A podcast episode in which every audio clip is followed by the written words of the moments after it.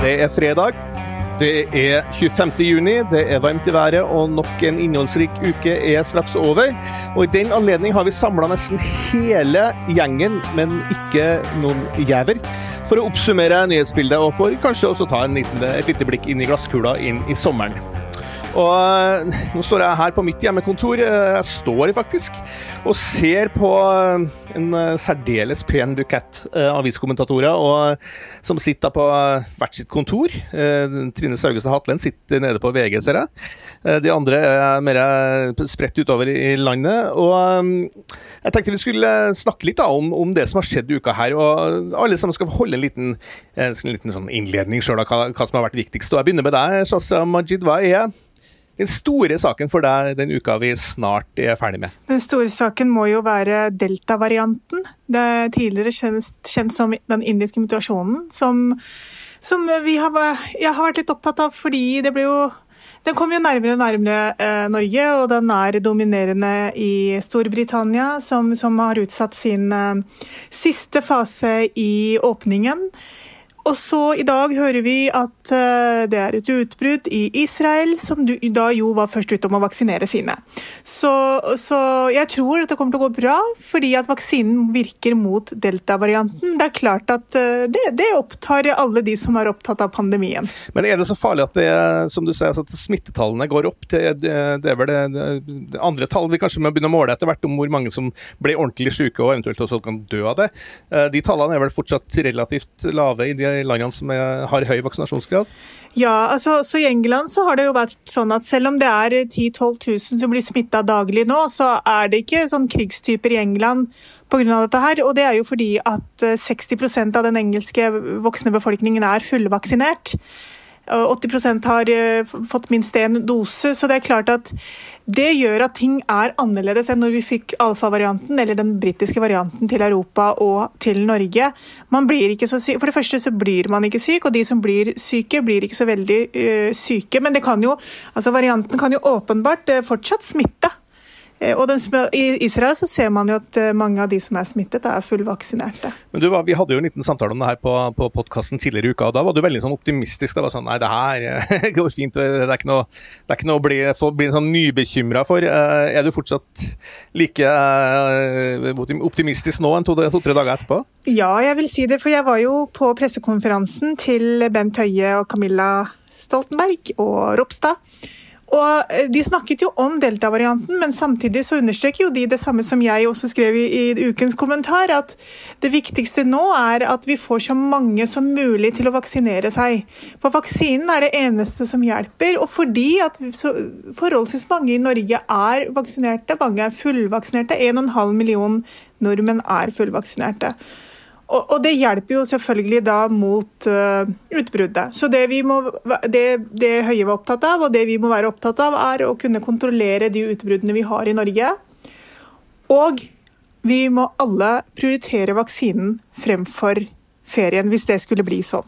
Jeg tror kanskje det er der det ligger, eh, at bekymringen ligger for mange nordmenn nå. Altså, hva de er spente på nå, akkurat nå, er på en måte om de kommer seg på de eventuelle ferieturene de eh, har bestilt seg for sommeren. Fordi at det, der, eh, det, er jo fortsatt mange land som er i Europa som er ferielandene som er litt sånn i villrede på hva de skal gjøre akkurat nå. Så hvis man drar et sted nå, så kan man jo risikere både at det kan dukke opp eh, karantener igjen, både her og der. Og det er vel det, det, er, det, er vel det bekymringen kanskje er nå? Ja. Tror det er mange som lurer på det, i hvert fall. Ja, det er nok det. Er nok det. Og, og, men Høie sa, og det var interessant, for Høie sa under pressekonferansen at de som er fullvaksinerte, må bare reise. Men du må være bare obs på at det kan komme karantener, eller det kan oppstå situasjoner der hvor du det stedet hvor du reiser til, da. Så, så bekymringen er helt riktig, Trine. At det, er, eh, det handler om ferieplanene våre i utlandet, egentlig. Først og fremst. Du, siden du tok ordet, Trine Saugestad Hatlen, så skal du få ta neste sak. Hva, hva, hva, hva tror du har vært den saken som på en måte vi, vi, var kanskje litt innom det i går? Kanskje vi snakket om Britney Spears i går? Det er en sak som du har vært veldig opptatt av? Ja, men når jeg satt og tenkte på det nå, så har jeg vært veldig opptatt av Britney Spears, men så er jeg også veldig opptatt av pride-markeringene og fotball-EM. Så jeg er litt sånn der usikker på hva det som skal flagge så høyt at Britney er ukas viktigste sak, egentlig. Eh, men, eh, men jeg har fulgt den saken veldig tett, ja. Eh, Britney har lagt ut en ny post på Instagram i dag, hvor hun, det er også første gangen hun på en måte har vært helt ærlig om at hun har løyet til fansen i flere år og sagt at hun har det bra, og så innrømmer hun nå at hun har ikke hatt det bra i det hele tatt. Men Eh, men jeg må si at akkurat i dag så er det nok pride og fotball-EM og Hareide-bråk i går som har eh, overtatt oppmerksomheten min litt. Da.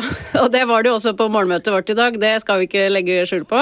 Hva, hva, hva var din takke da, da du så utspillet fra Rosenborg-trener Åge Hareide i går? Var det en uh, mann som ikke var helt i synk med sin tid, eller var det en ærlig debatt han prøvde å dra opp? Uh, nei, godt spørsmål. For meg fremstår det eh, som veldig klønete utspillet hans, og så har han jo på en måte moderert seg i ettertid og sånn, men jeg må si jeg har tenkt mer og mer på det utover dagen i dag, at det er For meg så er det litt Det er helt uforståelig at noen skal være mot at vi skal bruke et, minutt foran et stort, mest, stort, idrettsarrangement. At vi skal bruke et minutt på å gjøre en eller annen markering, enten det er for pride eller Black Lives Matter eller noe sånt. Det Oppi mitt hode så får jeg ikke det. At noen skal bli provosert av det og synes at det ikke hører hjemme, det, det, klarer jeg liksom ikke å forstå.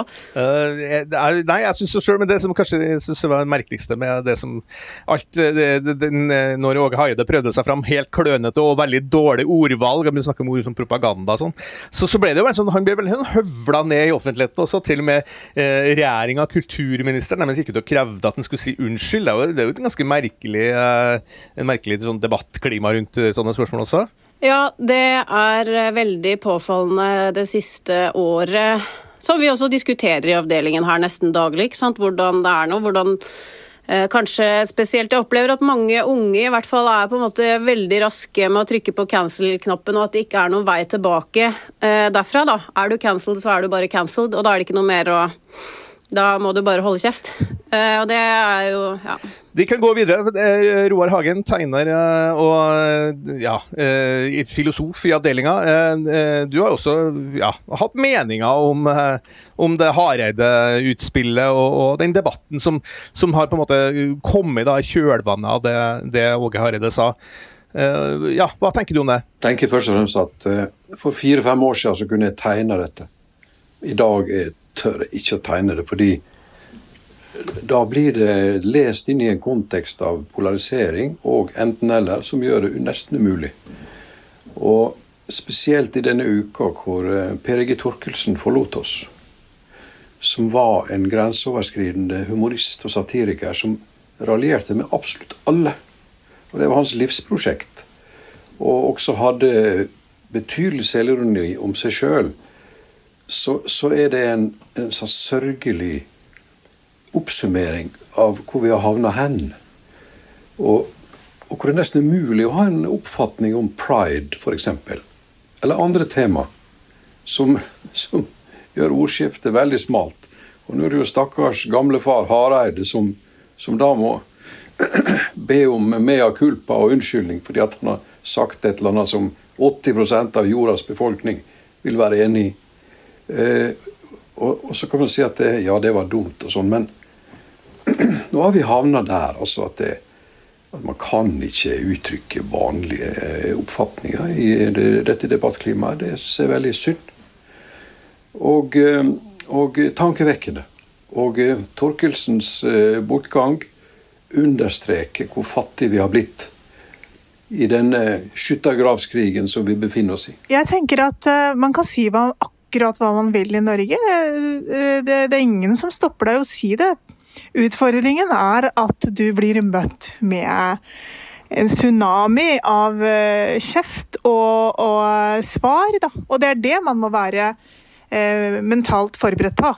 Det, er det, som, det, er det jeg tror er annerledes. Jeg tror ikke det, det, at rommet er blitt eh, mindre, jeg tror rommet har blitt større. Sånn at veldig mange stemmer At det er veldig mange motstemmer, uansett hva du sier denne gangen. Er det pride?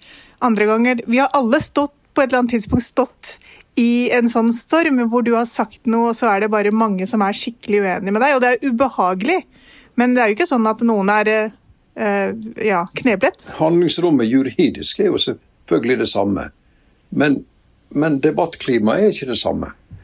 Og uh, er det ikke pride, så er det noe annet som er umulig. Og jeg har jo sjøl levd gjennom karikaturstriden med alt den innebar. Det er mange tema, og, og temaet vil variere ut fra hvilket ståsted du har.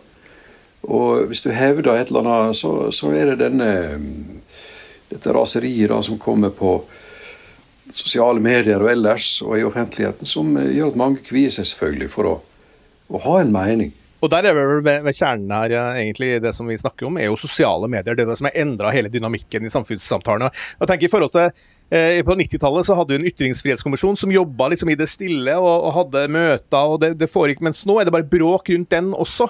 Altså Vi lever i en samfunn hvor det er veldig mye sånn eh, skarpe kanter, det er veldig mye bråk og veldig mye, mye eh, sånn gruppetenkning. Og, og, litt det som Trine var inne på med sånn cancelling også. Hvis du på en måte blir stempla sånn, så er du da utdefinert av den debatten. Sånn var det vel kanskje ikke før, var det det? Nei. Det var Jeg oppfatter det i hvert fall som at det var romsligere og litt mer humør og litt mer sjenerøsitet. Og at man ikke nødvendigvis leser alle inn i den verste konteksten. Og, og igjen tilbake til, til Per Inge Torkelsen.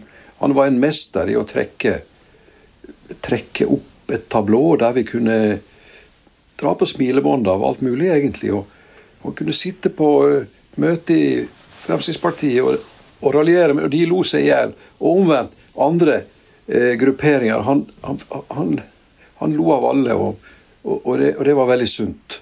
Det har blitt kaldere i Norge. Vi må, vi må ikke slutte å le, det er i hvert fall oppfordringa. Roar, har du, er det andre saker du har hengt deg opp i uka her? Du har jo tegna hver eneste dag. Det var jo ganske sterkt med Norwegian-ledelsen, da.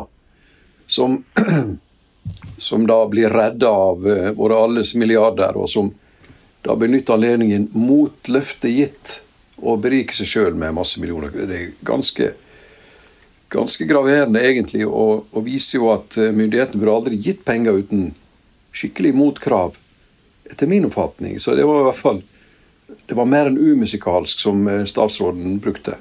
Så det var ganske ille, faktisk. Og, Kunne ikke statsråden bare gått inn her og si at eh, vet du hva, det her kan vi ikke ha noe av? Jo, jeg syns jo det. På vegne av oss alle. Så, så, så lenge politikerne ikke stiller krav til gavene, så får vi det slik. Det må vi jo lære av dette, da. Så Norwegian har absolutt vært en stor sak, og som Shasha nevnte, Delta da selvfølgelig, som unnskyld, viser at eh, pandemien ikke er helt eh, eh temma ennå. At vi må være ydmyke overfor eh, tiden som kommer. Men for meg, som elsker Norge om sommeren, så er det ikke noe tap eh, å være i Norge. Så det er jo ikke så veldig synd på oss. Men når det er sagt, så har du vel kanskje lyst til å ta en tur til utlandet snart, du også? Eh... ja, ja, for all del. Ja, ja, Paris. Ja, absolutt. Snart som mulig. Vi går videre her eh, til Per Olav Ødegaard. Eh, som vanlig så, så, følger du veldig nøye med på hva som skjer i eh, USA, og egentlig resten av verden også, da. Men Joe Biden har jo virkelig eh, hatt en eh, skal vi si, en litt uke på, som har gått litt opp og ned, da, men det, det endte jo i hvert fall godt for den gamle mannen i Washington. Ja, ja, du tenker jo da på at det ble en slags tverrpolitisk enighet om denne store infrastrukturpakken, som er én av flere store reformer som Biden ønsker å gjennomføre. Det er nok, Dette var på en måte den enkleste av disse planene, fordi også republikanerne ønsker å satse mer på veier og broer og, og bredbånd og osv. Eh, det er høyst påkrevet i USA, for det blitt hengende etter når det gjelder den type offentlige investeringer i infrastruktur. Så dette har de klart å, men, men i, så polarisert som Washington DC er, så er det en liten prestasjon likevel å faktisk bli enige om en plan.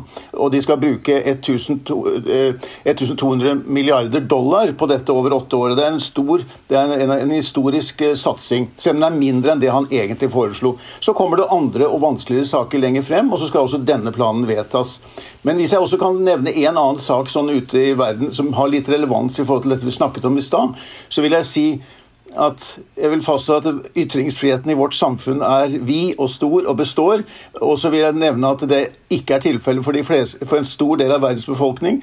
Og et eksempel på dette i, i, i disse dager fikk vi ved at um, Kina effektivt har stengt uh, Apple Daily, en viktig kilde uh, for uh, uavhengig journalistikk i Hongkong. Dette, dette er et land hvor de virkelig Eh, får innsnevret sin Ikke bare innsnevret, men egentlig i praksis fratatt presse- og ytringsfriheten. Så sammenlignet med dette så er det veldig små ting vi snakker om i Norge, vil jeg bare si. Og det er veldig trist, fordi det som Kina gjør i forhold til Hongkong, viser jo hvordan Kina bruker sin makt gjennom en ny sikkerhetslov for å stilne enhver kritisk stemme og fengsle Eh, utgivere og redaktører og eh, sende et tydelig signal til det som ellers er igjen av veldig, det som var en gang et fritt eh, univers, egentlig, i Kina. Et lite en oase egentlig i Kina for fri debatt. Veldig trist å, se den, den nyheten her. Altså, Hongkong har vel egentlig gått og blitt en inkorporert del av Kina og en del nå av det, det, nei, det totalitære diktaturet vi snakker om her. Eh, I sommer nå, eller om noen få dager, er det vel 1. juli tror jeg, så er det 100-årsjubileet for det kinesiske kommunistpartiet, som har da total makt eh, i Kina. Eh, det, vi kommer sikkert ikke til å spare på pomp og prakt i den forbindelse der borte, men skal vi, hva skal vi mene om det kinesiske kommunistpartiet? Kommunistpartiet 100 år etter, Per Olav? Vi ser jo at det er blitt et eh, system som handler først og fremst om å eh, beholde makten. Det er klart at det, har beveget seg veldig langt bort fra det som var eh, utgangspunktet for Mao Zedong og hans folk. Det har, en, det har blitt et parti som har Eh, innført en form for kapitalisme og et slags eh, fritt marked uten politiske friheter, uten eh, de ting som vi her i, i, vår, i demokratiske samfunn regner som en del av at, at, det frie markedet går sammen med frie politiske rettigheter og individuelle rettigheter. Det siste har ikke fulgt i Kina. De styrer knallhardt, og det har vært en innstramming de senere årene når det gjelder overvåkning, og de har tatt i bruk moderne metoder for å overvåke sin egen befolkning. Så dette er dypt urovekkende. og eh, bare minn om at altså, I konkrete eksempelet Hongkong så gikk de inn på en avtale med Storbritannia i 1997 om at det skulle være et, um, et land, to systemer, når, når, Hongkong ble tilbakeført til Kina. De skulle respektere at Hongkong var annerledes. Det gjør de ikke lenger. Nei, altså, for, for meg personlig er det jo bare morsomt og hyggelig om Allianz stadion i München blir opplyst i, i regnbuefarger. Men siden Per Olav snakke om Kina nå. Hvordan ville vi reagert hvis Kina skulle brukt et mesterskap til å reklamere for noe av det som Per Olav nå trekker opp? Det kan være gode argumenter for at, at det forblir en slags nøytralitet i idretten. Og Kina-eksempelet er et veldig eh, dominerende eh, element når vi skal vurdere liksom, verdensutviklingen. De tar kontroll på alt, fra frie medier til internett og alt mulig. og brer tentaklene sine utover. Så vi har fått ganske mye å tenke på. Nei, bare kort. Jeg tror, jeg tror aldri idretten har vært holdt på å si, ren, i anførselstegn, aldri upolitisk. Idretten har vært brukt politisk i lange tider. Den har vært brukt i nasjonalistiske propagandaformål. Den har vært brukt av uh, Eh, Hitler på 1930-tallet. Den har vært eh, brukt for å markere standpunkter i alle tider. Det, det, det er, og det gjør den fortsatt. og Vi kommer til å se at Beijing skal ha OL neste år. og Selvfølgelig er det viktig. de kommer til å bruke det politisk.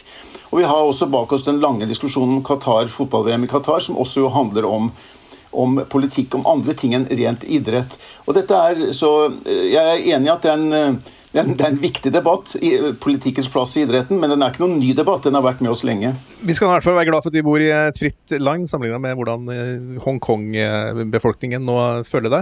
Eh, du snakka om å spre tentaklene sine. Det gjør også du, Tone Sofie Aglen. Du sprer tentaklene dine innover alle norske politiske partier. Du har vært på avslutningene til de fleste av dem uka her, semesteravslutninga. Nå i dag med Erna Solberg. Og hun har ikke tenkt å gi seg, sa hun, sjøl om det ser litt dårlig ut for regjeringa hennes på meningsmålingene meningsmålingene? Nei da, det var en uh, usedvanlig kamplysten statsminister, vil jeg si, som uh, overhodet ikke har mista motet. I hvert fall ikke gjør jo veldig gode miner til slett spill. Og det, jo, det har jo vært ganske sterke meningsmålinger som uh, tyder på at det blir et regjeringsskifte. Og i dag så kom det jo en ny meningsmåling som viser at det virkelig er langt fram for uh, Erna Solberg uh, og co. Men så er det veldig interessant, for sjøl om det kan virke veldig avgjort nå, så tror jeg alle sammen husker 2017, hvor mye ting forandra seg den siste måneden. Og så er det også interessant fordi det rød-grønne regjeringsprosjektet, om du kan kalle det det, er så utrolig mye mer sprikende og uavklart enn, det har vært tidligere. Så det, er fortsatt spenning nok på andre siden av sommerferien. Men, men sammenligna med 2017 så lå jo de rød-grønne den gangen altså min, uh, Gapet var mindre, da. Nå er det mye større, i hvert fall i antallet representanter. Så det skal ganske mye til for at, at vi da i forhold til målingene nå ikke får en ny regjering?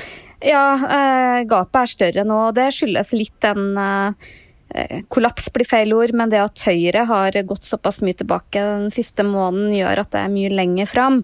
Og så er det fortsatt en, en situasjon rundt sperregrensa hvor, uh, hvor, alt kan skje. Jeg tror ikke vi uh, vet helt fasiten på det før vi har sett den, uh, den veldig korte valgkampmobiliseringa. Havner vi litt der at Venstre og KrF et aldri så lite mirakel havner over og MDG og Rødt under, så utgjør det ganske mye stemmetall. Og så er jo liksom den virkelig store X-faktoren er jo om Senterpartiet klarer å holde den her skyhøye formen helt inn, eller om eh, det begynner å butte litt imot når det, når det spisser seg litt mer til. Folk blir mer opptatt av eh, regjeringsalternativene, eh, Erna mot Jonas, og det er jo litt det vi Som, som man ikke helt vet, da. Og det, det vi også er veldig sånn spørrende til, er liksom, når vi nå blir ferdig med den sommeren her, er hvordan Hva vil folk være opptatt av på den andre siden? Eh, jeg vil tilbake til deg, Roar Hagen. Eh, tror du ditt gamle parti, eh, eller ditt gamle parti, det partiet du har i hvert fall hatt en, et visst forhold til, Venstre, er det her året Venstre igjen ramler under sperregrensa og blir helt skal vi si, irrelevant i norsk politikk?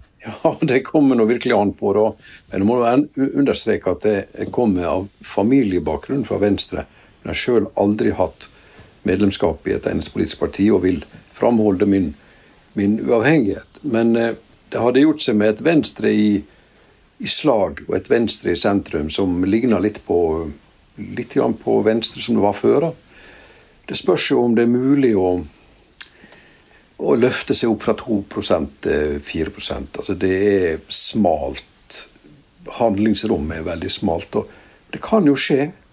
Og som eh, Tone Sofie nevner, hvis det skjer, så er spillet og kabalen helt annerledes. Så du kan aldri vite når det blir alvor, om, eh, om velgerne både til Venstre og KrF eh, mobiliserer og, og, vil forsøke å, å redde prosjektet. Da. De har jo tross alt fått gjennomslag for ganske mange ting, både Venstre og Kristelig Folkeparti. Så vi får se. men det ser jo svart ut i øyeblikket. Eh, to partier som klarer seg ganske bra, i hvert fall her i, by, altså i Oslo, da, eh, er jo Rødt og Miljøpartiet De Grønne, som jo eh, er ja, kanskje de mest radikale partiene i, i dag. Shazia, du snakka litt om det der på podkasten tidligere i uka, det med Rødt og minoritetsstemmene. Hvorfor i all verden er det sånn at Rødt, partiet Rødt, det gamle som oppsto på branntomta til det gamle kommunistpartiet AKP, ML, har blitt en sånn hit blant, eh, blant mange i minoritetsmiljøene i Oslo. Det syns jeg er vanskelig å forstå. Ja, det er fordi at en måte, mange føler at Arbeiderpartiet har sviktet. Arbeiderpartiet har jo vært den store bastionen i Groruddalen Eh, og blant innvandrerbefolkningen helt siden de første kom på 70-tallet. Og de har jo sjablongmessig stemt på, på, Arbeiderpartiet, men nå, nå, er det andre alternativer, og det er en ny generasjon som vokser opp. Det, foreldrene våre tror jeg fortsatt eh, stemmer Arbeiderpartiet. Men eh, det, er en stadig flere som, som, barn av innvandrere som stemmer da SV.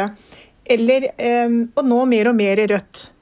Og det er fordi eh, og det er noen saker som de er veldig sterke tilhengere av, og det handler om verdispørsmål. Det handler f.eks. om Palestina-Israel-konflikten. Den er veldig med på å mobilisere innvandrerstemmene. Eh, men altså, for øvrig så er jo innvandrerbefolkningen, så vidt jeg har sett og observert, veldig opptatt av eh, å ikke måtte betale Altså Ehm, de er jo veldig mot bompenger, da.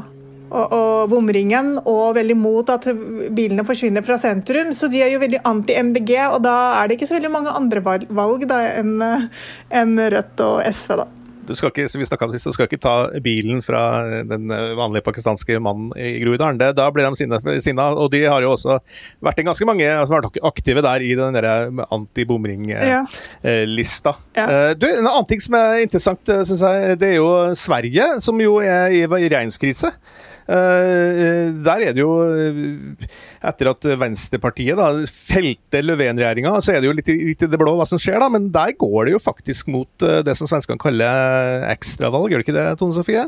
Jo, det ser jo meg sånn ut. Og det er jo egentlig en en uting at man, de valgte politikerne ikke klarer å bli enige og og, og går da til et uh, nyvalg, da. Men det er jo ganske betegnende for situasjonen i uh, svensk politikk. Og, og, hele det mistillitsforslaget er jo um, uh, på, på, mange måter ganske absurd, for det er Venstrepartiet som som er med på å felle en regjering, og de borgerlige partiene har slengt seg på, selv om de egentlig er enig i det forslaget til eh, regjeringa. Så det sier litt om at det er ganske kaotiske tilstander i svensk politikk. Hva, hva tenker du Per Ola, du som følger verdensreporter, og også med et blikk på Skandinavia. Hva tenker du om det som eh, har oppstått i, av politisk kalabalik i Sverige?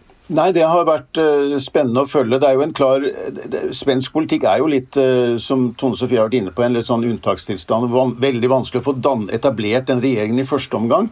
Og nå tilsynelatende ganske lett å kaste den. Jeg syns jo det um, det som eh, Sverigedemokraterna har, har, kommet inn der som et så stort parti, eh, gjør jo at det blir stadig vanskeligere å finne disse klare regjeringsalternativene. For frem til nylig, i hvert fall, frem til kanskje nå, så har jo ikke det vært noen som vil samarbeide med dem. Og så har det oppstått de der parlamentariske problemene. Og dette ser man jo i flere andre europeiske land også vanskeligheten med å danne styringsdyktige regjeringer og finne nye flertall, fordi velgerne er på vandring. Velgerne, det er store endringer på gang.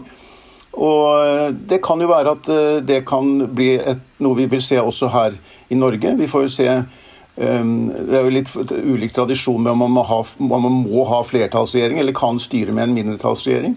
Men ehm, jeg syns det er en veldig interessant utvikling dette i Sverige, og ikke uten relevans her, vil jeg tro. Vi kan jo fort ende opp i med Sverige som får litt, eh, kanskje kan ende opp i litt samme type konstellasjon som Norge, da, med at uh, Senterpartiet i Sverige, som jo er et sånt rart liberalt uh, agrarparti, som egentlig er søsterpartiet til både Senterpartiet og Venstre, kan ende gå, hoppe over til rød-grønn side der, og da er vi over i en litt sånn samme type skal vi si, konstellasjon som vi har i Norge. Da. Det er jo interessant. Uh, uansett. Og ja, Roar, du har meldt deg, ser jeg, på den reiste handa her på, på, på, Zoom der vi er. Hvis den er oppe nå, så skyldes det egentlig en misforståelse, men jeg kan gjerne uttale om dette. Men du, du, tar alltid en utfordring på strak arm. Det minner meg jo litt om slik som det var før i Norge, at Fremskrittspartiet var tabu, og ingen ville ha med Fremskrittspartiet å gjøre. Og så var det da en konstant urofaktor som, eh, som felte Willoch-regjeringa osv. Det ble nå egentlig ikke orden på sakene før jeg kom med i regjeringen Solberg da, og, og ble ansvarliggjort. Det er så rart med det, hvis du ser både på SV og Fremskrittspartiet hos oss. Du går en hard, en hard skole når du blir ansvarliggjort og får eh, finansminister osv. Da er det ikke så mye rom for, for fantasier og drømmer, politiske drømmer. så jeg tror det er en tabbe av Sverige å utestenge et parti med 20% av stemmene. Det, det, hadde vært bedre å bare la dem få smake departementsansvaret og tynge, og så ta, ta, sin del av forpliktelsen. Det er å styre et land. Nå, sånn som det er nå, så blir det umulig.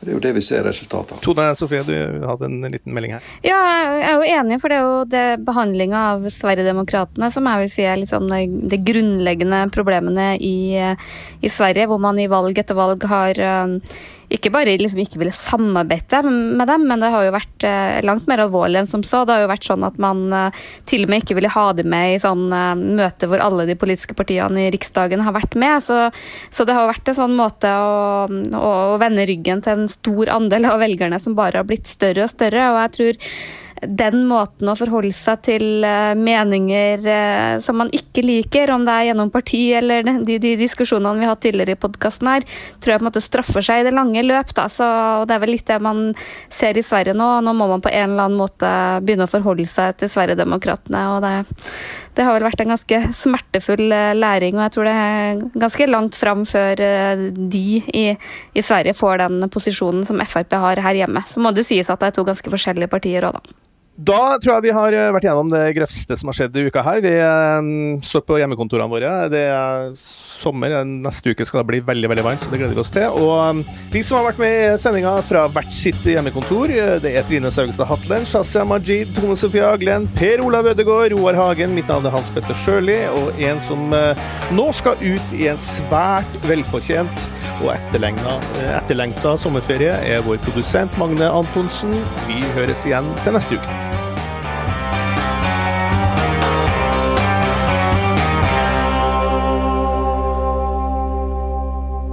Du har hørt en podkast fra VG.